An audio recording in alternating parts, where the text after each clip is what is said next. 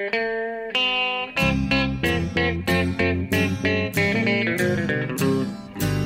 out there, we're on the air. It's hockey night tonight. Tension grows, the whistle blows, and the puck goes down the ice. The goalie jumps and the players bump, and the fans all go insane. Someone roars, Bobby scores at the good old hockey game. Oh, the good old hockey game is the best game you can name. Hallå, hallå, hallå, hallå, hallå, hallå, hallå, hallå, hallå, hallå. Yes, hallå och välkomna till NHL-podcasten med eh, Jonathan Ondskan, Teddybjörnen Ekeliv. Ja. Som vi hörde där i sin vanliga hallåramsa från Stockholm. Och mig då, Per Bjurman i Las Vegas just nu. Ja, Eller oj, eh, rättare sagt utanför Las Vegas. Jag är i Summerlin på en eh, liten resort. Eh, där jag avvaktar fortsättningen av slutspelet. just det. Och, och Summerlin, eh, det är ju inte där eh, William Karlsson och Mark Stone och Pietrangelo och de flesta av Vegas-spelarna håller till, är det inte så? Jo, eh, träningsrinken ligger här i Summerlin. Eh, och eh, de bor här omkring. Det är väldigt affluent eh, runt här. Men inte, det är ingen särskilt lyx jag är på. Även om det är väldigt stillsamt och fint. Och, och jag fick en bra rate här som Marriott-medlem. Så eh, här eh, håller jag till. Just det. Du, och just nu vet jag ju att du, du sitter inne och spelar i en podd, men har du legat i poolen som en krokodil eller vad du sa här en veckan att du skulle göra? Att du skulle ha en liten, eh, ja, lite slutspels, liksom, paus på något sätt i alla fall eh, och inte bara sitta och hamra i bloggen? Nej, det har inte blivit någon tid till det. Men så? eh, när vi är klara med den här kanske jag ska ligga vid poolen och, och hamra på dagens intro till bloggen. Ja, just det. Kanske li- lite i solen sådär. Ja, men det är alltid något i alla fall. Att sitta på en solstol och göra det istället för inne i en hotellsoffa. Ja. ja, det är i alla fall väldigt fint här. Är, jag har dörren öppen ut mot eh, trädgården här och det rasslar i palmerna och klarblå himmel och fåglarna kvittrar. Men jag, kan inte, jag hade tänkt att sitta ute för, och, och, och kontra med. Det var ju något år när du var på resa i Kalifornien när vi fick in fågelkvitter i, i bloggen. Ja, jag satt på en balkong i Santa Barbara. Ja, just det. Ja, men det blåser lite för mycket ute där. Eh, Jag tror att det skulle störa ljudet om jag gick ut. Men vi kan ju prova på slutet för att se. Ja, just det. Det är, det är ju, precis, om det blåser och fångas upp i micken så kanske det låter som att du sitter i någon storm uppe i, Ja, i, i Halifax eller något sånt där. Men det, men jag testar på, på slutet så går jag ut en sväng så får vi se hur det, hur det är. hur det funkar. Ja, just det. Och egentligen har jag ganska mycket frågor om hur det har varit i, ja, på ett annat ställe i Vegas där du också varit i, i veckan. Men det kanske vi kommer in på mer när vi ska prata om den serien. Men du har ju Yes. lite att dela med dig av eh, därifrån. Kan jag tänka mig. alla. Ja, ja, jag har varit eh, runt på slutspelsmatcher på andra ställen som du vet och upplevt eh, eh, mäktig stämning. Men eh, det finns nog ingenting som slår eh, en fullsatt Team Mobile när det, när det går bra för Knights. Eh, men vi som sagt, vi återkommer om det. Ja, ja. Vi tar saker i rätt ordning så som vi brukar försöka. Ja, och, men vi, vi tar om... Det här är ju tisdag när vi spelar in det, här, så måndagskvällen eh, var det ju två serier Mm. som kom längre än de andra och eh, en avgjordes. Och vi börjar med den då. Den eh, kanadensiska North-divisionen. Där eh, fullbordade ju då Montreal Canadiens en sweep mot eh, Winnipeg Jets Ja. hemma i Bell Center och eh, lyckorhus utbröt i hela eh, Montreal. Det är ju lockdown där. Ja. Eh, Så de fick ju sätta in polis och grejer, men, men det gick inte att hindra Montreal från att fira att de är klara för semifinal för första gången sedan 2014 med, med sitt ärevördiga lag. Precis, det var lite eh, folkfest ute på gatorna faktiskt. Ja. Trots att det, ja, det var häftigt att se, men det är klart att det blir så i... Benämnde Toronto som hockeyns mecka när vi pratade den serien förra veckan när Maple Leafs hade blivit utslagna. Men så är det ju verkligen att Montreal tycker verkligen att de har rätt i det epitetet med alla sina Stanley Cup-titlar och historia och så vidare. Så eh, jag, jag förstår att, att de inte kan hålla sig inomhus när de är klara för konferensfinal, eller som jag kommer fram till att det heter semifinal just i år. Ja. Nej, eh, hockey är ju där som fotboll är i, i italienska metropoler. Liksom. Det är utan tvekan nummer ett och otroligt viktig, eh, viktig del av, av identiteten där uppe. Ja, det allmänna måendet. Ja, ja så är det. Ja. Eh, Men de har eh, eh, verkligen anledning att fira. Det var ju fantastiskt starkt. Till att börja med att slå ut Toronto då. Med, att vända 3-1 underläge. Och sen svepa Winnipeg som ju nästan alla hade som favorit, precis som de hade Toronto som favorit. Precis, du och jag, ja, vi pratade om att vi fick ta av oss dumstruten, eller jag kallar det för skamhatten när jag inte kom på att det heter dumstrut förra veckan. Det har varit mycket hattar här, för, för, hattande från min sida kan Ja. man säga. Ja, det kan man säga. eh, i största allmänhet de sista veckorna. Men eh, det är väl dags att lyfta på den där, eller sätta på sig rättare sagt dumstruten igen här. För att eh, både du och jag sa att Winnipeg skulle ta det här relativt klart. Ja. Eh, jag hade ju skrivit 4-3 bloggen, men tror jag ändrade mig här i podden och sa att det, blir, det går snabbare. Så, Ja, För Winnipeg. Eh, Ja. eh, men det har inte varit något snack. Eh, eh, sen Shifley försvann framförallt så tycker jag Je- Je- Jets har sett otroligt klena ut. verkligen. Alltså, det är svårt att, bara skylla på Scheifele-grejen. Montreal hade nog vunnit den här serien Ja, ändå. absolut. Det kanske ganska Ja. klart. Men det, är- det är ju svårt samtidigt att komma ifrån att dynamiken i hela serien och inte minst i, i Winnipegs spel eh, fick ju sig en rejäl törn när en sån ledande spelare som Scheifele både liksom eh, pådrivarmässigt och inte minst vad han bidrar med på isen. När han gör en sån grej i första matchen. En sån riktigt hjärnsläpp som ger fyra matchers avstängning. Ja. Som eh, går över till nästa säsong. Han kommer att ha avstängd i en match i höst också. Ja, just det. Vad tyckte du om med fyra matcher? Ja, ja, ja med tanke på eh, eh, hur det bedöms nu för tiden, hur eh, Department of Player Safety har agerat eh, senaste året, så tycker jag det var, eh, i skenet av det var det rimligt med fyra matcher, tyckte jag. Ja, jo precis. Man har inte så höga förväntningar på dem längre. Vad de ska bedöma. Nej. Men fyra matcher, ja. Eh, Har, vi, har, vi, har det hänt sen vi spelade in senast? Eller? Eh, ja, det har det gjort. Precis. Det har inte varit någon match i den här serien sen vi pratade senast. Utan senast vi pratade så var det ju inför den här serien att Winnipeg skulle ta det här relativt enkelt. Då. Så att, eh, Ja. det har hänt mycket sen dess kan man säga. Den där situationen känns väl lite överspelad, men, men jag tyckte att eh, det var grovt fult. Eh, han var, de, de försöker försvara med att han försökte stoppa ett baklängesmål där i tom kasse, men eh, det var ju, dels var ju det för sent och dels så har jag en stark känsla av att han var förbannad och ur balans. Det hade synts redan tidigare i tredje perioden när han åkte på en utvisning. Han sparkade i båsdörren och höll på. Ja. Så jag tror att han var, han hade lost his mind, Scheifele.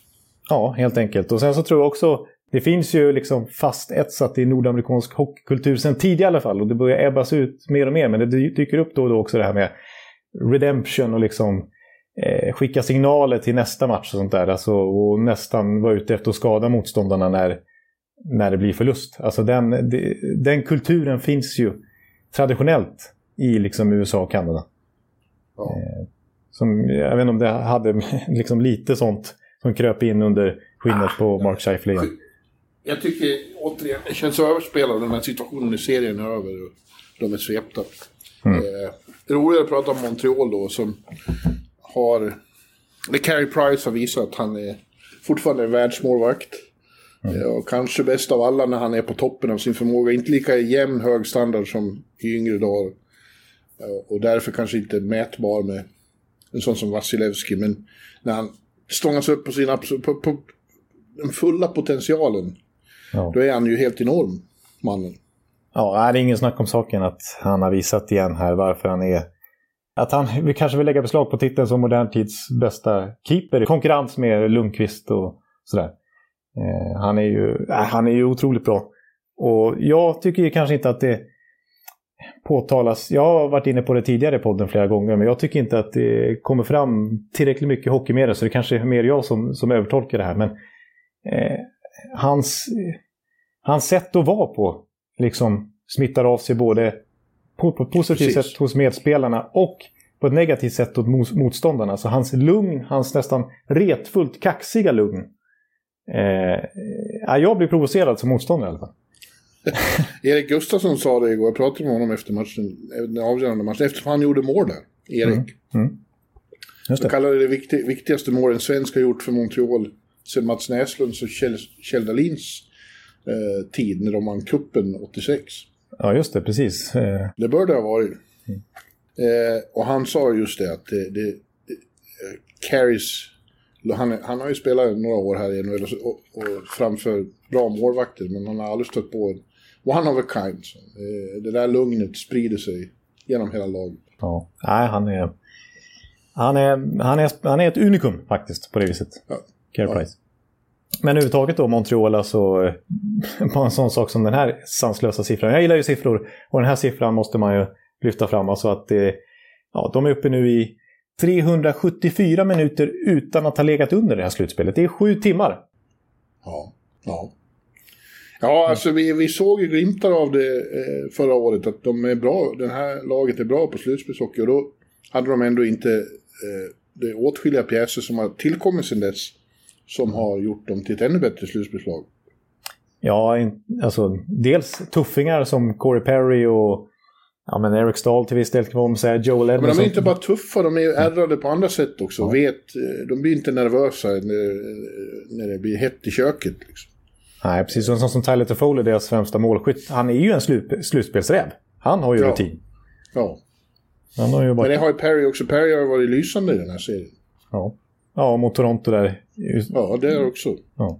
Nej, och ja, en sak som, som Winnipeg och som eh, eh, har påtalat och inte minst Blake Wheeler då när det blev klart att de slogs ut. Eh, en ganska bra intervju jag tyckte han gjorde faktiskt. Eh, han var uppriktig och, och sa precis som det var. Och, och åt både eh, Winnipegs del och Montreals som motståndares del. Eh, så lyfte han ju fram deras fyra fem liksom, toppbackar då, som de spelar mest. Deras stora, tunga pjäser. 100 kilos pjäser. Webber och Petrie och eh, Sherrott och Edmondson då som har kommit in. Att ja, de är tunga att möta liksom. Det är, det är jobbigt att ta sig in framför mål. Jag menar, i modern hockey så den typen av backar har ju liksom inte varit... det känns inte som det moderna typen av back precis. Men eh, i slutspel åtminstone så, så, så kan de fortfarande fylla en ganska viktig funktion. Ja, det är uppenbart. Alltså, det är mycket av det här som känns som en Mark Bergevin-triumf. Det är många av hans spelare som har eh, bidragit till det här. Inte Ja. minst, du pratar om Toffoli, men ja, Perry och Ståhl. Och så Erik Gustafsson som han ju tradar till sig bara för i powerplay i princip. Och han Ja. gör powerplay i den viktigaste matchen för säsongen. Ja, precis. Ja, det är sant. Och en sak som jag vill påtala där med eh, backarna liksom, och att Willy tyckte det var svårt att komma in på kassen trots att han är stor själv då. Eh, är att om man bara har en sån statistik som hur långt ifrån i snitt man sköt sina skott i den här serien. Winnipeg jämfört med, med Montreal så, var, så kom Winnipegs skott två meter längre ifrån målet i snitt än vad Montreals gjorde. För att de hade så svårt att komma nära kassen. Så det säger någonting om Montreals jobb framför, ja egentligen båda kassarna kan man säga. Mm. Men eh, nu då så ska de som segrare i North-divisionen och, och lägst placerade i, i grundserietabellen kommer att möta vinnaren eh, Vegas Colorado i nästa omgång. Och eh, kommer ju att vara gravt nederlagstippade. Igen. Och, men det har de inget emot. Det sa Erik igår också när jag sa det. Det antar jag att ni inte har något emot. Nej, det gick ju rätt bra mot Toronto ändå. Det gick bra nu också. Eh, vi, vi, det är bara skönt och ingen tror på oss. Då har vi ingen press på oss. Och det ligger såklart någonting i det. Och vi har ju sett nu på Twitter att de är på oss och fortsätter, fortsätter så här. Josef Häggblad skrev att vi, att vi ska fortsätta underskatta eh, jinxen fungerar, skriver han. Åt dig och mig. Ja, precis. Och jag kan väl meddela då, nu vet vi inte vilka jag får möta än, men oavsett om det blir Vegas eller Colorado så kan min hockeyhjärna liksom inte bestämma sig för Montreal, trots Carey Price, trots att de inte har legat under på sju timmar. Alltså mot de två lagen som nästan kallas det eh, lite smått för den moraliska finalen eh, mellan Colorado och Vegas. Så jag har svårt att se hur detta Montreal, som i andra divisioner inte ens skulle ha gått till slutspel med sina grundseriesiffror, eh, ska välta en sån riktig contender. Liksom. Nej, jag har ju också svårt att se det, för att det känns ju som... Men det är möjligt att man liksom låter sig, att ögat låter sig luras här, men det har ju sett eh, så extremt snällt ut och långsamt ut i, i den där... I alla serierna uppe i Kanada, jämfört med dem här nere i USA. Ja. Och att det känns som, och ska de sp- spela dem på det sättet så blir de liksom uppätna av ett sånt här slutspelsmonster som Colorado och Vegas är. Ja. ja, precis. Det är det, det är det jag känner också. Och samtidigt då, när vi har pratat Montreal tidigare och inte minst efter de här första inledande förlusterna mot Toronto när vi spelade in ett, ett, ett avsnitt och sa att det var klasskillnad mellan de två lagen och Toronto lätt skulle gå vidare. inledningsvis där. Så, eh, alltså, jag har ju också klagat lite på Bergevins truppbygge och att det har varit för mycket fokus på tunga backar och, och liksom rutin och Perry och hela det här gänget. Liksom. Och att det fortfarande saknas spets. Visst, Toffoli har, har bidragit med det. Alltså Cole Caulfield har varit en injektion och det är ju en supertalang. Eh, Suzuki är bra. Jag tycker liksom Lekkonen, Armia, sådana där spelare kan absolut chippa in och, och, göra en del poäng också. Men ska det, ska det, liksom, det känns som att det inte är tillräckligt med spets för att kunna vinna Stanley Cup. Men eh, samtidigt så visar det sig slutspel efter slutspel hur viktigt det är med rutin och med tyngd och med djup. Och med liksom, jag tycker Montreal har verkligen allt förutom kanske den här riktiga spetsen som, som borde krävas tycker jag. För att eh, vinna dubbel. Och tempo. ja, men däremot kan man säga så här. Det är alltså, riktigt bra djup. Det räcker ju uppenbarligen längre än att ha världens, två världens absolut bästa spelare och ingenting annat nästan. Nej, det, det, det har verkligen visat sig. Ja. Eh, men, eh, eh, ja, Jos, vi ska inte tippa än. Vi vet inte vilka de får möta och vi återkommer med ett, ett sånt avsnitt. Men eh, Josef, jag tror du kan vara lugn. Ja. vi kommer inte att bryta det, det känns det som. Snarare tror jag att det börjar, det börjar kännas som den där grenen i slutspelet 2019 när först, eh, när Islanders svepte Pittsburgh. Ja. Sen blev de själva svepta av Carolina, som i sin tur blev svepta av Boston. Just det, den eh, liksom, dominoeffekten. ja, ja eh, men eh, ja, det är, det är en, en, faktor här som är lite intressant som man... Det är omöjligt att veta vad den kommer få för effekt, men eh, det blir ju första gången på säsongen som lagen kommer att korsa eh, gränsen då mellan USA och Kanada. Mm. Det amerikanska laget kommer in till ett Kanada som är i princip fortfarande är nedsläckt, liksom, nedstängt. Ja. Eh, och får leva i en bubbla igen. Mm. Och det kanadensiska laget kommer ner till USA där det bara eh, exploderar i normalt liv nu. Just det, om de ska möta Vegas till exempel är det fullsatt och dunderliv på ett sätt som, jag menar, ja, ja. de spelarna inte kan där... tänka sig just nu. Nej, det där kommer kanske också spela in på olika sätt som är väldigt svåra att, att förutse. Ja, men det kan vi i alla fall poängtera för någon som har missat det, att det alltså blir så att eh, kanadensiska liksom, myndigheterna har godkänt att de ska få spela på hemmaplan i alla fall, eh, de kanadensiska lagen. Ja, utan att, eh, ja. Amerikanska laget kan komma dit och behöver inte sitta i karantän och, och kan komma tillbaka till USA. Och, det, och Montreal då kan också resa över gränsen utan karantän. De har fått en exemption där, men Mm. Det amerikanska laget kommer leva i en extrem bubbla när de där, för inte träffa Nej, de åker dit, spelar matchen och åker hem liksom. Ja, det ska ju vara två, så de får ju sitta där något dygn i alla fall. Jo, jo precis, men då, då, då, då, sitter de ju i en, i en bubbla. Mm. Ja. ja, men det är ju, samtidigt är det, det är ju väldigt roligt med slutspel att när det händer saker som, inte för, som man inte förväntar sig. Att det blir skrällar och att ett, ett lag... Det här är inte precis Columbus, det är hockey hockeyns mecka som mm. har den här framgången. Det, det, det är väl kul på alla sätt. Det, jag gratulerar verkligen alla, alla Habs-fans och unnar dem att få, få pika alla andra och ha kul med sådana tippare som oss. Ja, det, det får vi. Det tar vi definitivt. Det är inga... Dumstruten sitter ju långt djupt här nu. Den är nästan svår att ta av numera faktiskt. Ja, Hatten är, ja. är, på. Hatten är på, ja. Eh, den andra serien som eh, pågick igår, den avgjordes inte. Men kanske då. Eh, mm. Det är ju då Boston och Islanders indragna i ett fruktansvärt eh, krig. Det är ja. in i helvete vad fysiskt och hårt det är där. Ja, alltså på isen smäller det som bara den och det fightas och Taylor Hall kastar handskarna till och med och så vidare. Eh. Ja, men det känns som någon blir överkörd av en traktor eller buss. Varenda byte liksom. Är det sådana mm. smällar? Traktor, då tänkte jag att du tänkte att det var Daryl Sutter som kom med sin traktor där och, och körde. Så är det inte. Nej, det är mer någon som blir överkörd av bussen på övergångsstället. Usch. Ja. Kanske men, man inte ska skämta om. Ja, men nu har det i alla fall, eh, jag menar det är inte bara på isen utan det är ju även eh, verbalt mellan Bruce Cassidy och Barry Trotz som det har hettat till på ett sätt som... Eh, ja, ja, Trotz håller sig väl lugn. För rutinerad för att, att nappa på det. Men Bruce Cassidy, det kom ju precis som nyhet, han fick böta 25 000 dollar för sina uttalanden igår.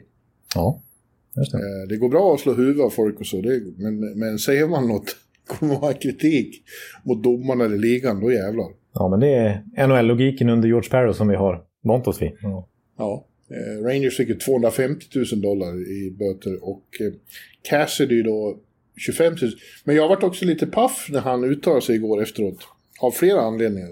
Ja. Dels så har jag ingen bild av att, av att eh, Islanders blir, får, får som favör. Han hävdar ju då att de har lyckats säga in ett, ett narrative att de är New York Saints snarare än New York Island. Så att de är ja. helgon och aldrig gör några fel. Nej, precis. Och att det är någonting som eh, domarna köper ungefär. Ja, att, att deras skickliga coachstab har sålt in den här bilden. Och kanske Lou också då. Ja, rent på statistiken så är ju New York Islanders då ett av, ett av de minst, eller det är det minst tror jag, utvisade laget till och med. I grundserien var de i alla fall. Så det... Ja, men det är de, det är de, men det beror på att de är disciplinerade har jag fått för mig. Men det kanske, mm. Bruce bild är då att, eh, nej, de har sålt en bil. Men du vet ju mitt... Eh, mitt, min gamla käpphäst. Ja, den, den, den, var det någonting jag förväntade mig i den här podden idag att du skulle säga så var det just det. det så det, det, varsågod. Ja. Mm. Jag tror coacherna ser det ju som att de, att de påverkar eh, domarna. Att de får, ut en, en, eh, de får ut ett budskap som måste, även om de får böta 25 000 dollar så finns ju det här ute där nu. Och att mm. eh, det kan påverka bedömningen. Mm. Det är ju det är den teorin och den skolan. Jag tror ju mer på, eftersom det har visat sig gång på gång att när en coach börjar prata sån här strunt och gnälla och flytta fokus till fel saker mm. så får de alltid stryk. Ja, precis. När man slutar liksom fokusera på... Det blir ju då ofta att man inte fokuserar på sitt eget spel och det man själv kan påverka utan man börjar fokusera på saker som man inte förmodligen kan påverka. Michel Therrien Special kallar vi det här, för han har ju varit otrolig på det genom åren. Ja. Han gjorde det med Pittsburgh när de spelade final mot Detroit. Ja. Helvete. Han gjorde den där serien mot Ottawa när Paul McLean spelade honom som ett piano. Uh, och han gjorde det mot Rangers då i konferensfinalen 2014. Ja. Så fort han började gnälla på domarna, då sket sig totalt. bara skrika på garden under en morgonvärmning. Som är vansinnig för att Ulf Samuelsson satt på läktaren. Ja. Ja. ja, helt ur balans. Eh, ja. Men då har vi kommit förbi det faktum att Islanders vann ju faktiskt eh, lite överraskande då femte matchen i Tidig Garden mm. igår. Och det var ju utvisningarna som avgjorde den matchen. Boston, de, de var, manglade ju eh, Islanders i spelet. De mm. var, tryckte på som fan, de dominerade och de var allra mest fysiska. Men de drog på sig för många utvisningar och Islanders utnyttjade det skoningslöst som värsta jävla Tampa gjorde de. Ja, tre PP-mål och det var ganska ja. många snygga mål skulle jag vilja säga också när de lirade bort Boston. Ja. Matt Barzell som jag klagade på lite tidigare i slutspelet, han har ju verkligen kommit igång nu och, och leker hockey. Men och det höll vi på att debattera i, i bloggen igår under matchen. Att det är lite Barzal att göra... Han är väldigt bra på just det där att göra mål som inte borde göras. Ologiska mål. Eh, när andra laget dominerar. Ja, och då är helt plötsligt så vaknar Barzell. Ja, det är, det är ju väldigt värdefullt. Ja. Såklart. Exakt, och det är ju pratar lite om det också, liksom att, eh, när vi har pratat Islanders, vilken homogen lagmaskin de är och liksom att de kan ta sig långt bara på det. Men den där extra dimensionen är ändå Barzell och han måste ju leverera på den här nivån för att alltså, sticka ut. För han var, liksom, var ju nollad i målprotokollet länge, men nu helt plötsligt så, så kom, kom det lite viktiga kassar från hans klubba. Men eh, det är många som sticker ut i den här serien tycker jag. Kyle Palmieri visar ju igen då vilket geni Lou är. Han gjorde sitt gjorde sitt sjätte slutspelsmål igår. Ja, jag tycker nästan alla är från nära håll. Ja. Där Anders Lee egentligen ska stå. Så snacka om att hitta den perfekta ersättaren till just honom när de tappar sin liksom, målskytt och sin, eh, sin eh, här, alltså den, den, den, som har just den rollen framför kassan också. Peta in returer och styr och skymmer och jobbig och så vidare. Det, det har ju Cal Palmieri gjort i hans ställe på ett väldigt bra sätt. Ja. Han ser ut som en slutspelskrigare. När han får ut sitt eh, väldigt mörka skägg där. Han är svartmuskig och ser, han ser farlig ut, eh, Palmieri. Ja, det gör han. Eller Paul Mary som, som somliga hävdar att det låter när de pratar om honom. Okej. Okay. Ja. Det skägget som han nu får odla nu när det är slutspel. Han fick ja. annars eh, raka av det direkt när han kom till Lou. Ja, ja precis. Lou, för Lou får man bara ha skägg när det är slutspel. Ja, just det. Ja. det men, men det är ju även sådana i Boston tycker jag. Eh, fortsätter imponera på mig gör eh, Brad Marchand. Brad. Bad Brad har varit grym. Ja. ja han är nog ändå, även om Pasternak har gjort sju kassar och leder poängligan där ett par snäpp före Marchand så tycker jag ändå att han är deras MVP. Brad. Ja. Alltså så som han anför dem. Och, är det en riktig... Det sjuka är att han blir ju faktiskt fortfarande bättre och bättre med åren. Och nu är han ju uppe i, vad är han, 33-34 bast. Ja. Ja, jag, har ju hävdat det nu också. Att det, även om det skulle bära mig emot med hans historia. Om Boston skulle vinna det här. Och, och, och det fortsätter se ut på det här viset. Då skulle han vara min Conn Smythe-man. Där. Ja, ja. Nej, jag köper det också. Rakt av. Men Pasternak, Pasternak också. Alltså han gör... Fan vilka släggor han får på ibland. Med, Ja. med de där skotten. Verkligen, och jag tycker att han är... Något som han är väldigt skicklig på, det är ju visserligen många av de liksom, bästa målskyttarna. Men han speciellt, tycker jag, även i 5 mot 5-spelet, inte bara i, i PP när han kan stå still och skjuta direkt likt en Stamkos eller Ovechkin, utan i 5 mot 5, att hitta de här öppna ytorna, att ställa sig och helt plötsligt bara vara öppen och kunna skjuta sin slägga. Liksom. Att i en 3 mot 2 till exempel, bara hitta den perfekta positionen där, där backarna tappar fokus på honom och sen så bara stå helt öppen och kunna bomba på. Ja. Mm. Men vad ska vi tro? Nu har då Islanders eh, matchboll. Kommer hem till Colosseum eh, på onsdagskvällen och kommer eh, att spela inför, alltså det har varit sagolikt eh, tryck där redan innan. Ja. Men den här matchen är ju den största de har spelat på flera år, i, eller på, på hur länge som helst på, på ön. Ja. De har läge att slå ut Boston och gå till semifinal. De var i semifinal i fjol, men då spelade de ju i en bubbla. Ja, precis. Det här är något annat ändå för hemmapubliken att ta del av. Ja, och de kommer att ha haft eh, tailgating party i solen i hela dagen. Det kommer att vara vansinne på Ja. ön. Men då är jag faktiskt lite rädd för Bostons målvaktssituation med tanke på att Tucka har eh, problem. Han är ju uppenbarligen inte helt eh, fräsch i kroppen. Det är ju någonting som... Nej, han byttes ut efter, efter två perioder igår. Då trodde man ju berodde på att det var några puckar som gick inled. Men då sa ju Cassidy efteråt att han är inte 100%. Det var maintenance som behövdes. Ja. Ja, och det är klart oroande. Precis, och dels om inte det är en riktiga Tucka som vaktar kassen, om vi säger att de skulle... Ska de då kasta in Jeremy Swayman, rookie, inför de här vargarna på läktarna Ja, som bara ryter, som ju helt förstörde Tristan Jerry totalt i Ja, Pittsburgh-serien. Liksom. Eh, Precis. det, ja, det känns lite skakigt i en så viktig match. Ja, det gör det. Men jag säger samtidigt som någon sa redan efter tredje matchen, vad det var, kan vi inte bara gå till eh, overtime i Game 7 mellan de här två? eh, de är ju fortfarande så jämna och så lika liksom, på något vis. Eh, de är lika hårda och fysiska och, och maskiner som vi kommer tillbaka till hela tiden. Ja, de är verkligen lagkollektiv på, på Ja. Väldigt utpräglade sätt. Det finns några andra lag som är lite åt det hållet kvar i slutspelet, men de här två nästan mest symboliserar det. Ja, och då har jag ytterligare en sån här käpphäst jag brukar komma. När det är så jämnt, då brukar det eh, nästan alltid bli så att den som måste eh, slår den som bara väldigt mycket vill. Mm. och sen, sen så avgörs det verkligen i Game 7 när båda måste. Ja, just det. Jag förstår. Jag förstår.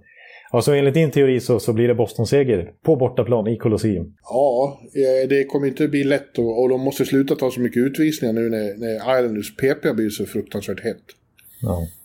Eh, Men om de kan göra det så tror jag, ja, då tror jag på en Game 7 på fredag i, i TD Garden och jag tror på övertid i tre perioder. ja. Ja. Ja, jag, jag känner att in- innan vi lämnar den här serien så måste jag bara återigen... Nu, nu, nu lyfter jag på hatten igen. Den, den, skulle, den satt ju stenhårt på eh, dumstruten där, men nu lyfter jag den för, för Barry Trotz. Eh, för jag vill bara konstatera här alltså hur det här eh, återkommande temat ändå... Alltså hur det verkligen inte är någon fluk när Barry Trotz coachar ett lag. Alltså även om det kan se ut som det gjorde i, i Game 5 där i Boston, att, att det var Boston som dominerade ganska kraftigt. Eh, vinner skotten med, vad blev det, 44-19 eller någonting och ändå torskar de matchen och Islanders gör fem mål. Man kan tycka liksom, det borde inte vara hållbart när man liksom, sådana som mig som gillar underliggande siffror och analytics community och sådär, eh, säger ju liksom det att har du dålig course till exempel så då, då, det kommer inte hålla i längden.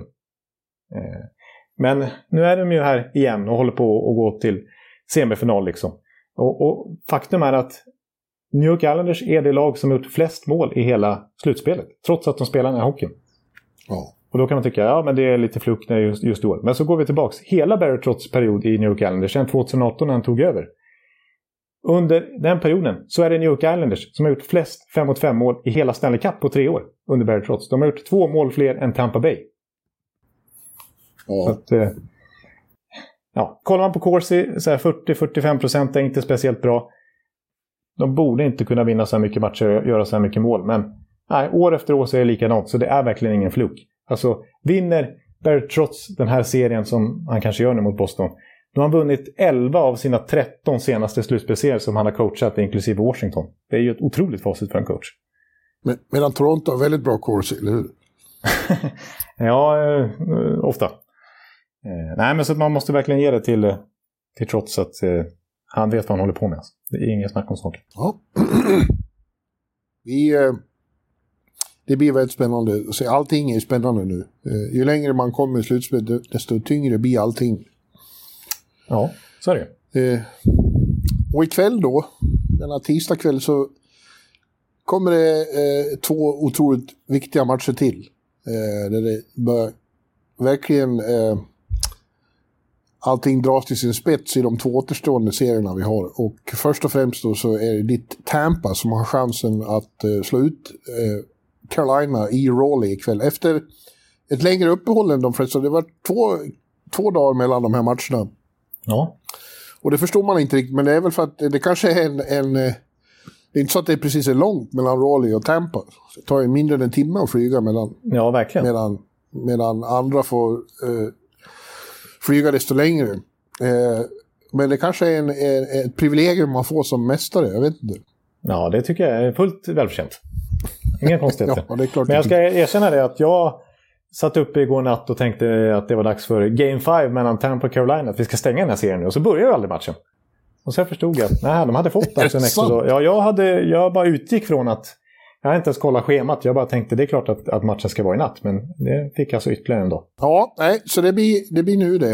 Eh, eh, Tampa, Carolina Hurricanes, Tampa Bay Lightning. Tampa leder med 3-1 eh, efter matcherna i Amalie Arena. Och eh, ja, Victor Hedman sa efter, efter eh, senaste segern att nu är vi i samma läge som mot eh, Florida.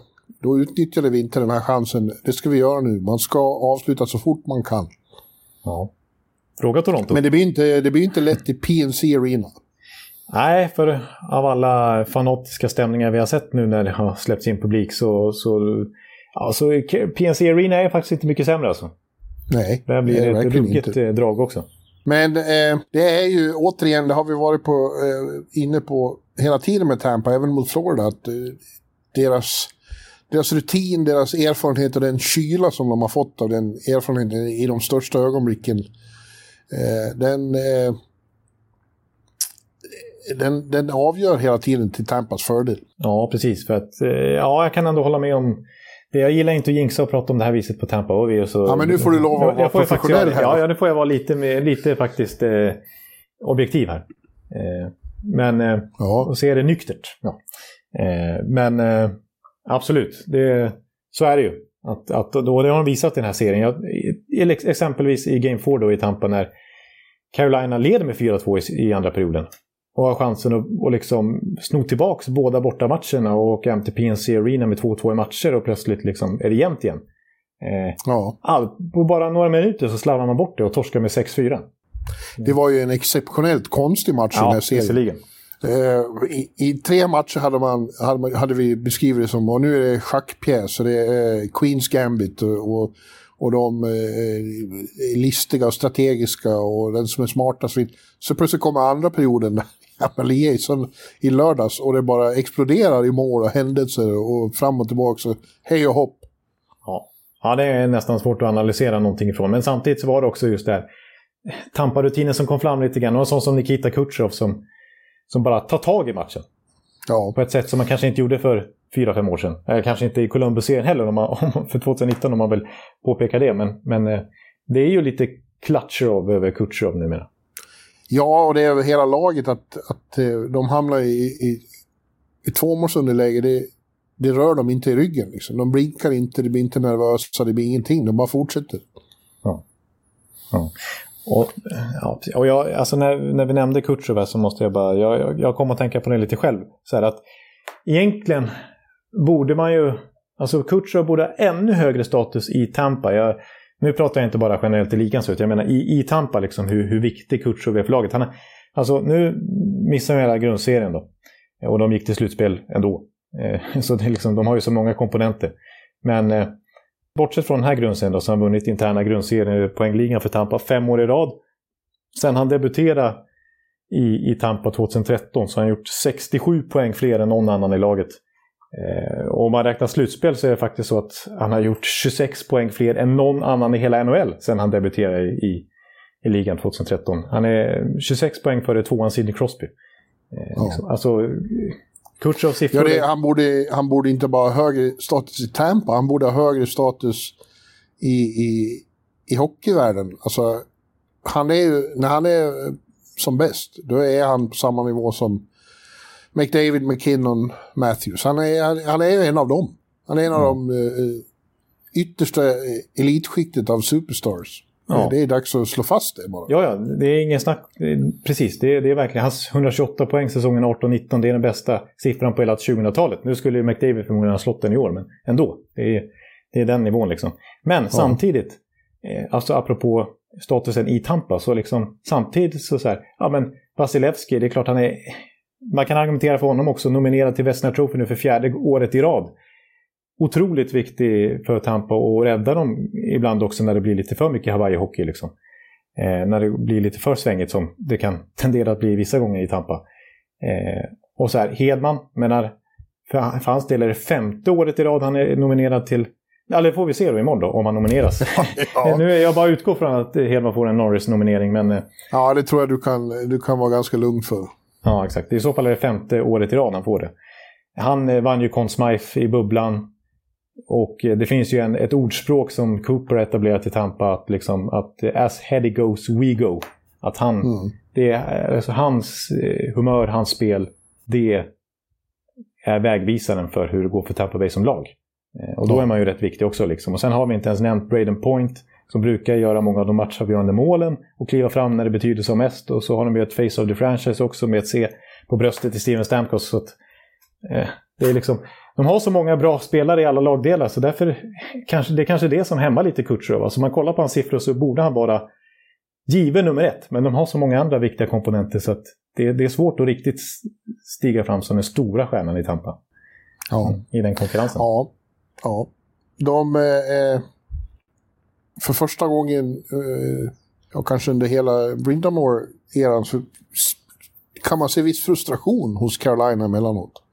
Ja. Eh, de får, de får inte ut det de tror att de ska få ut av sitt, sin typ av spel. Och ibland så blir de, får de äta egen medicin också. Eh, för ja. att Tampa kan tajta till. Tampa kan göra det här på, så olika, på flera olika vis. Jo, Tampa har lärt sig det här defensiva nu också. Ja, de kan spela ut det, men de kan ju också stänga ner totalt och störa med samma slags forechecking. Ja. Eh, så, men, men, men eh, Samtidigt Carolina är jävligt bra. Det blir inte, blir inte det minsta förvånande om de vinner ikväll. Nej, precis. Och, och, faktum är att ska man liksom koka ihop de här fyra matcherna och komma fram till vad den största skillnaden har varit så är det ju trots allt powerplay. För kollar vi 5 mot 5 så står det 6-6 i mål. Eh, Carolina har en liten fördel när det kommer till eh, skott och sådär. Så att de hänger verkligen bra med Tampa och nästan förspelet under längre stunder i 5 mot 5-spelet. Men när det kommer till powerplay då är det det här som du har nämnt som ett av de bästa powerplayen i modern tid. Kanske i ja. NHL-historien. 41 procent är de hittills. De har gjort 14 mål på 44 minuter i powerplay. Det är ett mål var tredje minut ungefär. Att jämföra med Carolina som behöver 9 minuter per mål. Liksom. Alltså att ja. göra mål var tredje minut eh, du är en man med på banan. Det är ju ett ruskigt tempo. Ja, man ska inte dricka saltsyra, man ska inte hoppa in till björnarna i Orsa och man ska inte låta Jonathan Ekeliv köra bil. och man ska inte låta Tampa få powerplay. Det är på den nivån. Ja, precis. Det är sant. Och då är det alltså Carolina som normalt sett under Broad Brindamore haft ett otroligt starkt boxplay. Och de själva har ju kallat det för sitt power kill. För ja. att de har varit så bra i boxplay. Men inte ens de lyckas stoppa det här Tampa-pepet. Sen, sen tog han ju för en gångs skull ett beslut som man eh, kliar sig i huvudet av efteråt med facit i hand, Brindamore. Mm. Och det var att han plötsligt slängde in Mrazek i, i fjärde matchen. Och det, ja, det började hygg... Han stod ju faktiskt segermatchen. Eh, så efter de två hemmatorskarna så, så kastade han in Ja, Mrazek. just det. Just, mm. ja. ja, men, men eh, det var ju, vart ju inget bra alls i, i Game 4. Det började bra, men sen så var det godnatt. Ja. Och jag skulle tippa att Ned är tillbaka ikväll. Ja, jag utgår från att han får vakta kassen igen också. För det är, som, det är en sån käpphäst som du och jag återkommer till i varje slutspel. Att, visst, ibland kan det funka. Till exempel Islanders har varvat lite mellan Varlamov och Sorokin. Ja. Men i normala fall så att börja hatta med keeprarna, det är... Ja, då blir det som för mig i mina tips att jag hattar och dumstruten upp och upp och happar. Liksom. Det, det, det, går inte. Ja. Ja. ja. ja vi, eh, om de kan hålla sig från utvisningsbåset tillräckligt mycket då då har Carolina en bra chans att ta det till Game 6. Men jag, men jag och Tampa vinner den här serien. Det känner jag mig övertygad om. Oj då. Eh, och nu återgår jag till mitt vanliga och säger plötsligt ingenting igen. Mm. Okej. Okay. Mm. Eh, vi har en serie kvar och är, då är det ju så att eh, där står det eh, oväntat, hade vi sagt åtminstone för en vecka sedan, 2-2 mellan Colorado och Vegas. För ja. det var ju så att eh, Colorado vann de två första hemmamatcherna i Denver och då hade sex raka började se oslagbara ut. Ja, Men sen kom de till eh, T-Mobile här i Mojaveöknen och var inte alls oslagbara. Utan Nej. Vegas vann två gånger om och framförallt, ja, de övertygade enormt i de två matcherna. Tyckte jag, Golden Knights. Ja, verkligen. Alltså, Precis, för senast vi pratades vid, då hade en match hunnit spelas i den här serien. Och det var den här 7-1-krossen från Colorado mot Vegas. Ja. Där det, var, alltså det var ju sån slakt som man inte hade förstått att Vegas kunde bli så slaktade. Faktiskt. Och det kändes ju som att Colorado kommer vinna Stanley Cup. Eh, men sen så som du säger, det var, jag tyckte faktiskt Vegas direkt gjorde en bra match i Game 2 i, i Denver. Och mycket ja, det var kunnat, mycket, mycket, mycket bättre. Ja, ja, absolut. Faktiskt hade kunnat vinna den. Det blev ju overtime där. Eh, och sen så med matcherna i Vegas. Eh, det blev bara 3-2 i första när de vände och sen 5-1 i andra matchen. Men totalt sett kändes det som en kross i, i båda matcherna spelmässigt. Ja, det intressanta är ju att de fick Colorado att se ganska ordinära ut. Det såg inte ut som sitt vanliga jag och de lyckades tämja eh, Landeskogkedjan. Den var ja. en eh, pretty much en, en eh, non-factor. Verkligen. Men, märktes, ja, det märktes när Mikko Rantanen drog på sitt ruskiga skott i, i Game 3. Men, men sen var det ju eh, enormt vad de tog bort dem. Och det är ju... Vet, vi, vi har diskuterat, framförallt har du understrukit att du tycker inte att Vegas har tillräckligt bra centrar. Men Chandler Stevenson. Ja. Och den kedjan som ju är ett offensivt vapen i vanliga fall. Det är ju de som har tagit bort dem. Ja, alltså sen Game 2 så har ju de matchats mot eh, den kedjan. Och de har ju slående statistik. Alltså de är ju... Ja, de är ju... Det är Stone, Pacioretty och den store Stevenson som har eh, neutraliserat dem. Ja, precis. Eh, och då kan man ju tänka, ja men... Eh, hämmas inte deras offensiv då? Jo, lite, men då har de istället sin ursprungskedja med Carlson, Marches och Smith som går in och producerar istället. Ja, Marches har ju hattrick till exempel i Game 4 då. Ja. ja, det är lite kul. Den här kedjan har ju varit en konstant sen 2017, sen de klev in i ligan. Precis, det har hänt mycket i laget sen det där Stanley Cup-finallaget som var först ut. Men, men just den kedjan, den är fortfarande intakt. Så här, fyra ja. år senare. Vi gillar att lira ihop, säger Karlsson. han, han är inte de stor, stora ordens man precis, men ja, vi gillar att lira ihop. Vi gillar bara... att lira fort. Ja, det får man så. säga. Jag tycker typiskt, eh, alltså vilken press de sätter, vilken forecheck de har haft i de här hemmamatcherna. Och jag tycker verkligen, alltså om man ska försöka imitera kommentatorn ungefär hur det kan låta ett Vegas-anfall, så hur de bara kastar in puckar mot mål när de har övervunnit den. Och, och folk på mål och allt möjligt på mål.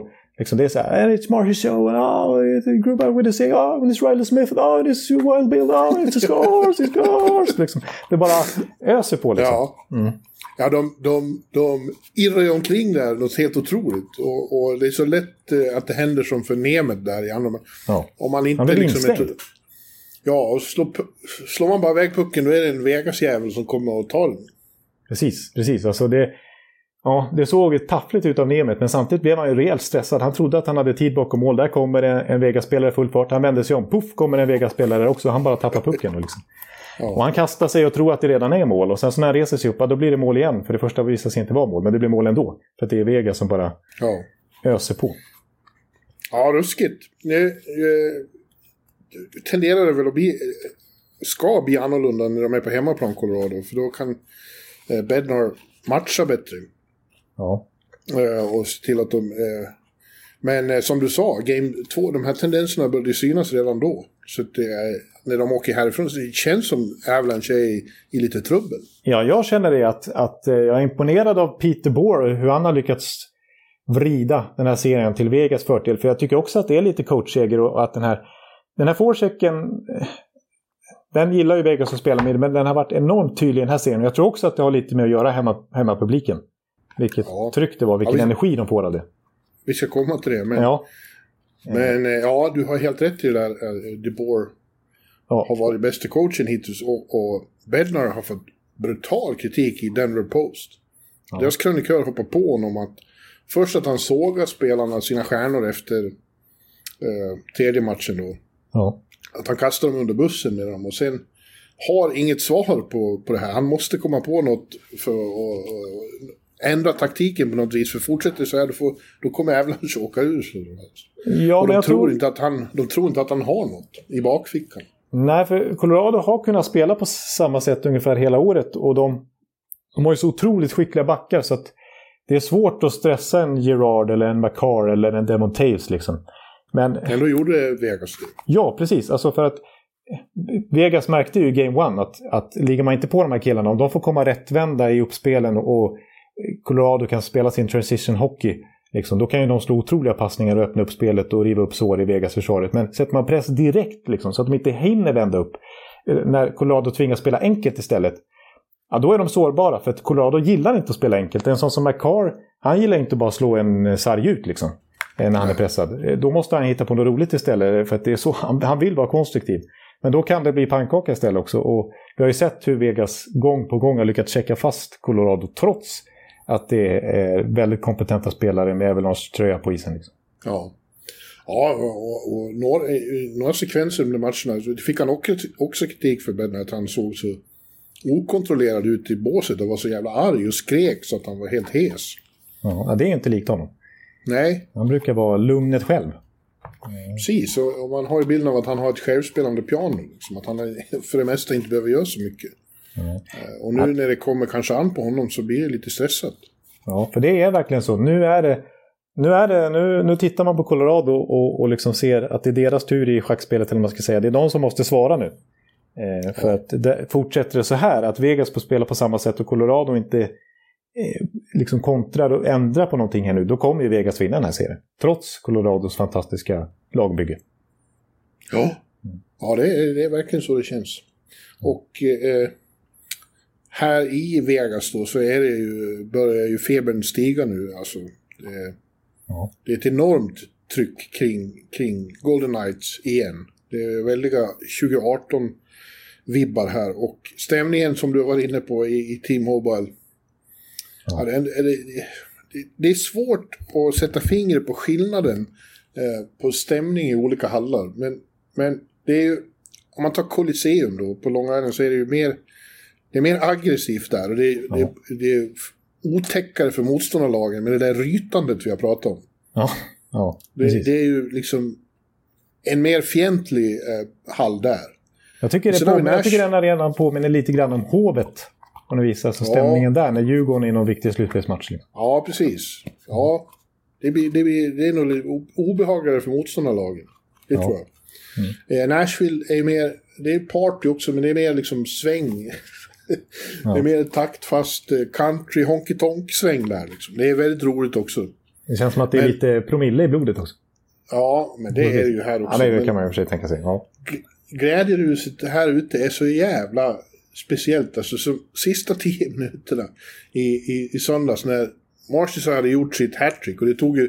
Det regnade ju kepsar i fem minuter. Det tog ju lång tid som helst innan de var klara med det. Ja, ja. Och sen var det sån party-party åter, återstående del av matchen. Och det är så här, liksom, det blir Vegas-show av alltihop. Och jag kan tänka mig att riktiga hockeypuritaner, de måste hata det. De tycker att man ska stå och frysa i Calgary. Annars Ja. är det ju ingenting. Men här är det liksom, discjockeyn pumpar på med publikfriande musik hela tiden och alla står och dansar och skrattar. Alltså när de zoomar in folk på läktarna, man, man rycks med och bara sitter och garvar. Ja, jag, jag såg faktiskt i bloggen att, att du, när, när du liksom... Eh, när det är något speciellt, då kan ju du reagera med ett eh, oj voj. Ja, Men det här var inte bara oj oj voj, utan jag såg att det var oj fucking voj. ja. Faktiskt, eh, sista minuterna ja, det där. var, Ja. ja, det var det. Och, och, och de gör vågen grejer. Ja, ja det, det det är inte var något det som var- hockeypuritanerna gillar heller. Vet du. Nej, det var länge sedan jag såg en spontan vågen, men den rullade gång på gång. Ja. Ja, eh, så eh, på det sättet är det ju väldigt roligt om Vegas går vidare, att vi får fortsätta ha de här veritabla eh, folkfesterna här. Montreal med sin historia mot Vegas, födda 2017. Det blir en, det blir en clash liksom, för, på många sätt. Mm. Och herregud vad, vad Montreal-fans kommer att hata Vegas då. ja, så kommer. Plastlaget. Ja, oj, oj, oj. Oj, oj fucking får de- faktiskt. Ja, Max Pacioretty mot sig. Just det, dessutom. Oj, oj. Ja. Ja, men eh, nu, nu spelas ju det och jag är i Vegas. Egentligen borde jag väl springa iväg på något sånt här watch party, för det är watch parties över hela, hela eh, valleyn här. Ja. Såklart ikväll. Men jag ska ju sitta och blogga såklart. Ja, just det. Du, du, du sitter, är i, sitter där vid resorten och öppnar... eh, Ja, du- kanske att... eh, Sitter, du sitter trots allt inne kanske. Ja, det gör jag. Lyfter inte ut hela, hela burken. Ja. Och springa ut någonstans och, och, och liksom dricka öl med de andra. Men man måste... Plikten för allt. Ja, ja, det tackar bloggläsarna för. Är Det är det. mitt motto, mitt livsmotto. Plikten för allt. Där ser man alltså. Det, var, det, lät verkligen som eh, Kvarnsveden. Ja, det kan man säga. Ja. Men du, eh, vi har ju... Eh, det hände inte så mycket annat utanför eh, det här. Men vi har haft några grejer. Vi hade eh, draftlotteriet till exempel. Ja, just det. Eh, och det var väl inte så förvån- förvånande att Buffalo tog hem det nu när Taylor Hall har spelat där den här säsongen. Eh, är det någonting han är bra på så i alla fall att se till att hans eh, bottenlag vinner draftlotteriet. Ja, men de har ju medvetet gjort det mindre dramatiskt. Det är svårare att, att tappa. Man har en större fördel som ju sämre man är. Just det. Men det var blott tredje gången tror jag, sedan 2010 som eh, laget som slutade sist faktiskt vann draftlotteriet. Så det är inte så vanligt. Nej, men det ska ju bli lättare nu då. Ja. Och, eh, men som jag har förstått, jag häng, det där är ju en avdelning jag inte hänger med så väldigt bra i. Men att det inte är någon, det finns inget, det är bra bredd på den här draft-generationen, men det är ingen, vi har ingen given etta i år. Nej, precis. Så är det något år man liksom ska vinna draftlotteriet så kanske inte just detta utan snarare nästa år och nästnästa. Det kommer väldigt bra drafter som, som väntar här. Och i fjol så var det ju en väldig hypling, Lafreniere och sådär. Eh, Mm. men, eh, men just i år, är den som det är mest hype kring och som är väl eh, mest unison etta är ju Owen Power som vi såg i hockey-VM vinna guld med Kanada och faktiskt sticka ut hyfsat mycket. Men det är ändå inte riktigt den här solklara, det är ingen generational talent eh, som draftettor brukar vara. Vänta, nu ska jag ta, och nu är vi i slutet av den här blå, nu ska jag gå ut en sväng Nu ska det ut. på verandan. Nu får vi följa med ut i solljuset och bli lite bruna här. Ja, nu är vi ute. Lite fåglar. Där hörde vi verandastolen. Ja, Just det. ja, nu blåser det inte så mycket heller. Nej, det här var ju trevligt. Lugnt och skönt. Hörs det att jag, hörs det att jag bytte miljö? Ja, nog hör man väl lite fågelkvitter eller nå- något slags Ja. utomhusbrus på något sätt. Ja, ja, Det gör man ju. Det, det låter tropiskt. ja, det är det också. Ja. Nej, det är inte tropiskt, det är öken. eh, Ja, det är sant. Det är två skilda saker. Det blir ingen fukt här. Det är hett som satan, men som de alltid säger här ute, it's a dry heat. Ja, just slipper fukten. Just det. Vad, vad är det för temperatur ungefär? Eh, ja, förra veckan var det eh, mer. Då var det 42-43 grader. Det var rekord för så tidigt i juni. Oj, oj, oj. Ja. Nu får vi nöja oss med 36-37. ja, det var ju ganska lugnt och behagligt då. 37 grader är ingenting. Nej, men eh, ja, finns det något mer säga om den draft? Nej. Nej, vi tror väl på Owen Power och vi, vi kan väl konstatera att, eller vi får, vi får se vem, vem som går detta, men eh, eh, ja, vi kan konstatera att Seattle fick ju faktiskt andra valet jämfört med Vegas som fick fjärde valet sitt år. När de klev in. Och sen så, ja, det får vi prata mer om när det börjar närma sig, men vi har väl två svenskar som vi tror kommer, som vi tror kommer gå topp 10. Eh, William Eklund. William Eklund och, eh, från Djurgården då, och sen så Simon Edvinsson, storväxtback från eh, Frölunda som många tror går topp 10 också. Edvinson. Man kan höra det i amerikanska kommentatorer. Ja, det kan man tänka sig. Edvinson. Nu har man faktiskt eh, en liten vindpust smita det- förbi. Det, ja, men vi, nu klarar vi det här. Det klarar vi. Ja, ja, Vi visst. ska vara avsluta Vi måste ha lite fläkt också när vi känner värmen. Ja. Eh, En, en, en, rolig, en rolig liten pikant detalj i, i, under själva lotteriet var att general managers var ju inzoomade och, och satt, eller de satt vid, det var en ett Zoom-konferens helt enkelt. Ja. Och Jim Nill i Dallas såg väldigt rolig ut när han fick beskedet och bara Jaha. Man drog ur lurarna och grimaserade och gick därifrån. ja, men det är härligt ändå. Ja, Genuint. verkligen. Ja. Men du, eh, du nämnde, det måste jag faktiskt nämna, du nämnde ju där att Kanada vann VM-guld. Mm. Eh, och eh, det säger inte så lite att eh, ändå så var man tvungen Information om det på kanadensiska sportsajter fick man scrolla långt ner för att hitta att Kanada var världsmästare. Eh, och det är hockeyns hemland. Det är ju för tragiskt alltså. Eh, man, kan, man tycker att någonting måste göras för att och, och stärka VM-statusen och se till att världsmästerskapet inte krockar med den största ligans slutspel. Som är så oerhört mycket större här än vad VM är. Ja, nej, men det är ju så. Det, det där är ju en jättestor eh, fråga. Eh, som man kan diskutera länge. Och liksom, ta vilken annan sport som helst. Eh, VM är ju liksom... VM och OS är ju det största. VM har ju i princip samma status. Men i, men i hockeyns fall så är det, skickar Kanada ett F-lag. Ja. Sverige skickar väl i princip ett C-lag. ja, jag kom på en annan sport som har samma problem, det är ju basket. Basket-VM är ju ingenting eftersom största ligan inte är med. Nej, men det, det har ju att göra just med när nordamerikansk eh, Visst, det så? struktur kolliderar med europeiska intressen. För att, eh, ja, det kommer ju aldrig bli någonting så länge NHL är mycket större än IHF. Och NHL kommer med sina miljardärägare kommer aldrig skicka sina extremt välavlönade spelare mitt i en säsong till IHFs mm, liksom, grejer. Eh, som de inte tjänar en, en dollar på. Så att, eh, eh, Nej, vill de ha VM får de lägga det i månadsskiftet augusti-september. Ja. Eller så är det liksom... eh, Det kan man ju tycka tyvärr på ett sätt. Eller så måste liksom NHL få mer... Ja, man måste låta NHL få styra mer ungefär som när det är World Cup. Eh, Ja, och så vill ju inte IHF heller. Nej, det vill de verkligen inte. Och de har ju problem med OS är ju alltid en problematik med NHL-spelare just av den anledningen också. Så det, är ju, det är ju pengarna där som... Vart pengarna ska landa någonstans som är det stora problemet. Och NHL har ju störst makt. Liksom. Att, eh, Ja, det är i alla fall, jag tyckte det var talande. Jag gick in och- letade på både Toronto-sajten och på nationella sajter. Det var ju nästan ingenting. Nej. Nej. Men apropå VM då så får vi ju konstatera, vilket jag tycker är intressant i NHL-synpunkt, att ja, de eh, började ju uselt, eh, Kanada, i, i världsmästerskapet som alla har koll på. Och sen så blev det ju nästan ett mini-Miracle on Ice när de vände på alltihopa och gick och vann hela turneringen. Med Jared Gallant som tränare som nu känns ju... Ja, först var det ett uselt skyltfönster för honom nu när han ska söka ett nytt jobb. Men eh, nu blev det ju det ultimata skyltfönstret för honom. Nu har han ju verkligen stärkt sitt värde och mycket talar ju för att han kommer bli New York Rangers nästa coach. Ja, nu går jag in igen.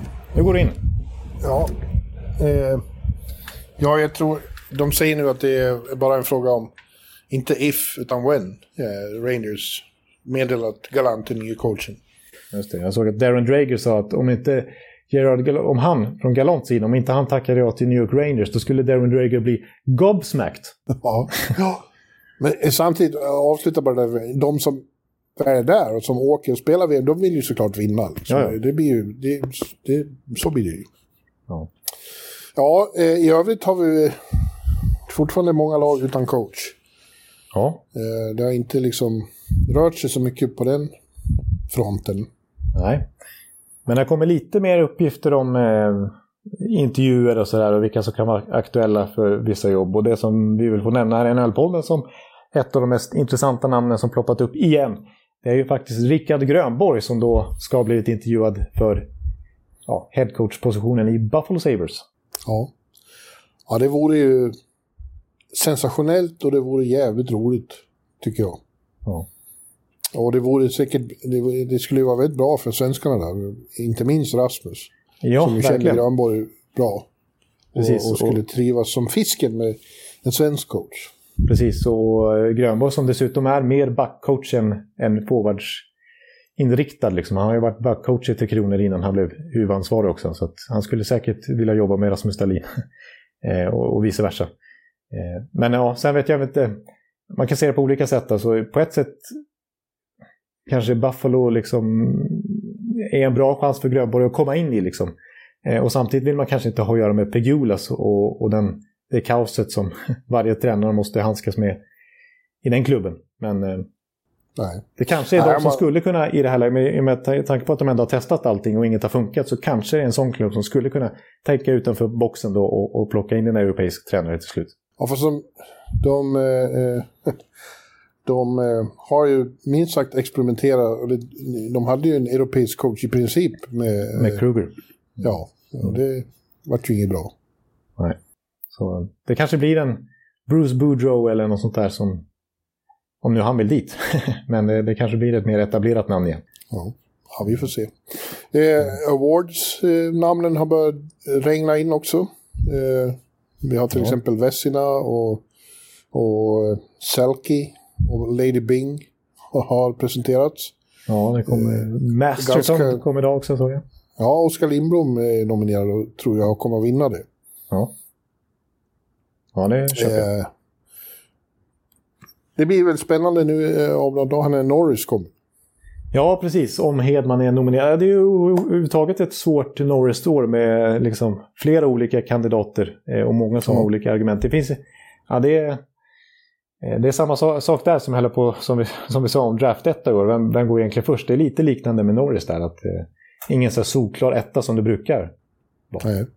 Nej. Men det är väl, eh, ja, Adam Fox. Jag tror att Adam Fox och Hedman är, är givna och sen är det väldigt... Eh, Cale McCarr hade varit given om han hade spelat mer, men han var borta lite för mycket tror jag. Ja. Eh, så det finns väldigt gott om kandidater i övrigt. Ja. Jag vill nämna ett till tränarnamn förresten när vi nämnde där, då, när, som har lite anknytning till VM onekligen också. I finallaget den här gången på den förlorande sidan Finland, alltså Jukka Jallonen som har gjort det så bra där. Finsk landslagstränare när de eh, gjorde sitt Miracle on Ice 2019 och gick och vann hela turneringen där med, när det faktiskt var ganska mycket NHL-spelare i de andra lagen. Sverige hade ju ett väldigt namnstarkt lag och de slog ut ett otroligt namnstarkt Ryssland och de slog ut ett ännu mer namnstarkt Kanada också på vägen till det VM-guldet med ett eh, inte så namnstarkt Finland. Så att, och Jukka Jalonen har ju pratat om att han, han har ju klagat på, mer högljutt än till exempel Grönborg, att, att inte, kom igen nu, jag, jag vill till NHL och, och våga anlita en europeisk coach. Och han har hållit tränarkurser i Nordamerika och sånt där, så han har verkligen visat att han vill, vill dit. Och eh, ja, så han börjar liksom också nämnas lite här nu som kanske att han faktiskt skulle kunna vara ett namn eh, för ett tränarjobb i, i NHL. Och Jarmo Kekkeläinen, finske general manager i Columbus, eh, sa till någon finsk tidning här i veckan också att ja, han är faktiskt ett alternativ för oss. Kanske snarare ja. som assisterande i så fall, men att, att komma över till Nordamerika nu i alla fall. Ja. Mm. Mm. Eh. Ja. ja. ja. ja. men det, det, var väl, det var väl det här det. Ja, men det var, det var väl det här faktiskt. Jag, mitt, eh, jag, jag, kände att jag blev lite hes i halsen. Jag skulle behöva fylla på med någonting. Jag, jag säger bara vatten. Eh, det säger jag faktiskt. Eh, men det skulle ja. jag nog behöva mm, fylla på glaset. Du, det var ju förresten var ju frågor om det. För två veckor sedan var du ju skadad. Hur, hur är det med din uh, upper body? Ja, precis. Min upper body, det är ju alltså en tumskada kan jag avslöja. Eh, ja. ja, det avslöjar vi redan då. Eh, nej, men den är, den är fortfarande inte helt eh, är det sant? läkt. Nej, det har gått eh, lång tid men det är fortfarande lite irriterat och sådär. Men jag har, har det, sen någon dag tillbaka har jag slutat med att plåstra om mig i alla fall. Så när det blir exit-intervju, då, kan- då kan du avslöja att jag, jag spelade skadad. Ja, precis. Jag har ju, jag har ju faktiskt... Eh, ja, jag har varit ganska rejält... Eh, nej, det ska jag inte säga. Jag tror inte jättemånga skulle klaga på en litet sår i tummen här i NHL-slutspelet. Men en, en liten upper body har jag i alla fall dragits med. Så är det ju. En annan sak som måste tas upp här, som jag får ständiga påstötningar om i, i, i bloggen. Ja. Varför kan inte Jonathan Ekeliv ibland komma in och, och, och lägga några kommentarer? Och du säger att du vill inte göra det under Tampas matcher, och det är okej. Men varför kan du inte göra det annars för? Ja, men det, det, det kanske jag kan... eh, Ja, jag kommer ihåg att jag testade lite för några år sedan. Jag kanske, jag kanske får göra det igen då. Jag vet inte Ja. riktigt varför. Framförallt har det med, med Tampas eh, match att göra. Jag, jag, grejen så här, jag, Nej, men det, för, vi- det, det respekterar vi, men Ja. de spelar inte varje kväll precis. Nej, precis. Nej, så att jag, jag kan... eh, Ja, jag, kan jag, jag, jag, jag hör vad ni Det är säger. något konstigt motstånd här, vi förstår inte. Nej, precis. Jag, jag hör vad ni säger och, och eh, rätt vad det är så kommer ondskan att eh, visa Du sig. vill inte nedlåta det till min blogg, är det så? Nej, så, så, så, så är det inte. Men eh, rätt vad det är, vet du. Den som väntar på något gott. Ja, vi väntar väldigt länge nu och Ja. tycker Ja. det kommer att bli jättegott. Okej. Ja. Men Ja. Eh, så värst länge behöver ni inte vänta till nästa podd i alla fall. Nej, vi måste ju komma rätt snabbt och, och eh, tippa eh, semifinalerna också. Just det. Så eh, vi, vi återkommer med avsnitt 332 relativt snart. Och ja, då är vi framme i, andra, alltså i semifinalen helt plötsligt. Ja. Då är det verkligen hett. Ja. Men Men till då dess, säger vi så. Ja. Nu ska jag gå till Polen. Ja, det önskar jag att jag kunde göra också. Eh, Men jag ska i alla fall snart få se Tampa igen. Ja, du ska ju det. Oj, oj. Ja. Eh, Så jag kanske ska vika strumpor eller sånt där jag brukar göra innan Tampa-matcher för att liksom, ja, få rätt mindset. Ja. Men, eh, Lycka till med det, hörru du. Tack så mycket och tack alla som lyssnar på oss och på återhörande snart igen. Yes. Hej då! Hej! Hallå, hallå, hallå. Hallå, hallå, hallå. Alex Chiazot, Joe Luis Arena och Esposito. Esposito. Uttalsproblem, men vi tjötar ändå. Och alla kan vara lugna, inspelningsknappen är på. Bjuder Hanna Kohl, han är grym i sin roll. Från kålsoffan har han fullständig kontroll på det som händer och sker. Du blir ju allt fler som rattar in hans blogg. Och lyssna på hans podd. One, two, punch, speed, so Hallå, hallå, hallå. One, two, punch, speed, so Hallå, hallå, hallå. Ekeliv, som är ung och har driv. Verkar stor och stark och känns allmänt massiv. Han hejar på Tampa och älskar Hedman. Sjunger som Sinatra. Ja, och det ser man. Nu är det dags för refräng. Dags för magi, Victor Norén. Du är ett geni. Så stand up at home and remove your hats. Höj volym, för nu är det plats. One, two, punch, speed, so Hallå, hallå, hallå. One, two, punch, speed, so Hallå, hallå, hallå. One, two, punch, speed, so Hallå, hallå, hallå. One, two, punch, speed, so Hallå, hallå, hallå. Det är otroligt länge sedan båda samtidigt var så här bra. Hallå, hallå, hallå. Det är otroligt länge sedan båda samtidigt var så här bra.